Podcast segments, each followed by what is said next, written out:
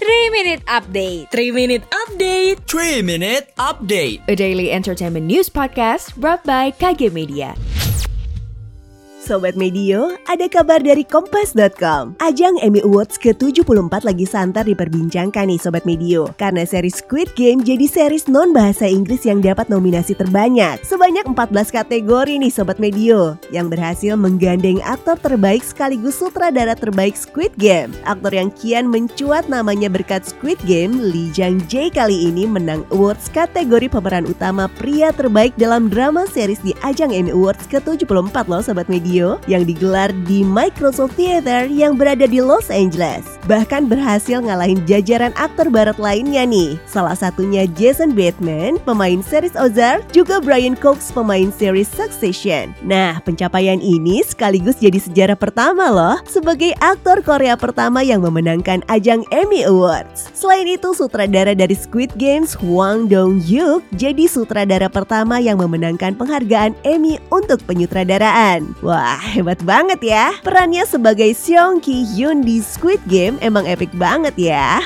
Well deserve Opa Lee Jang Jae dan Opa Hwang Dong Hyuk. Hari gini masih ketipu investasi bodong, masih susah atur keuangan, investasi, klaim asuransi, dan update isu finansial? Dengerin podcast Cuan, cari untung bareng teman. Persembahan Media by KG Media dan Motion FM di Spotify.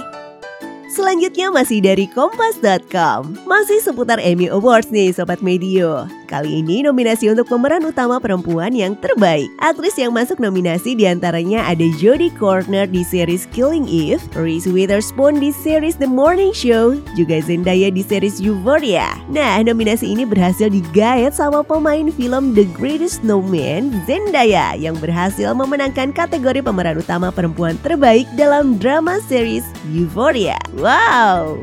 Buat sobat media yang belum nonton, di dalam series ini Zendaya berperan sebagai Rue Bennett yang baru aja selesai rehab tapi tetap nggak bisa stop dari narkoba. Aktingnya sebagai Rue ini totalitas banget sobat medio dan banyak dapat pujian tentunya. Sebelum itu di tahun 2020 Zendaya juga mendapat awards yang sama loh. Udah nggak perlu diragukan lagi ya sobat medio, akting kerennya Zendaya ini break leg ladies. Demikian 3 minutes update hari ini. Saya Cindy Septiana pamit. Jangan lupa dengarkan update terbaru lainnya.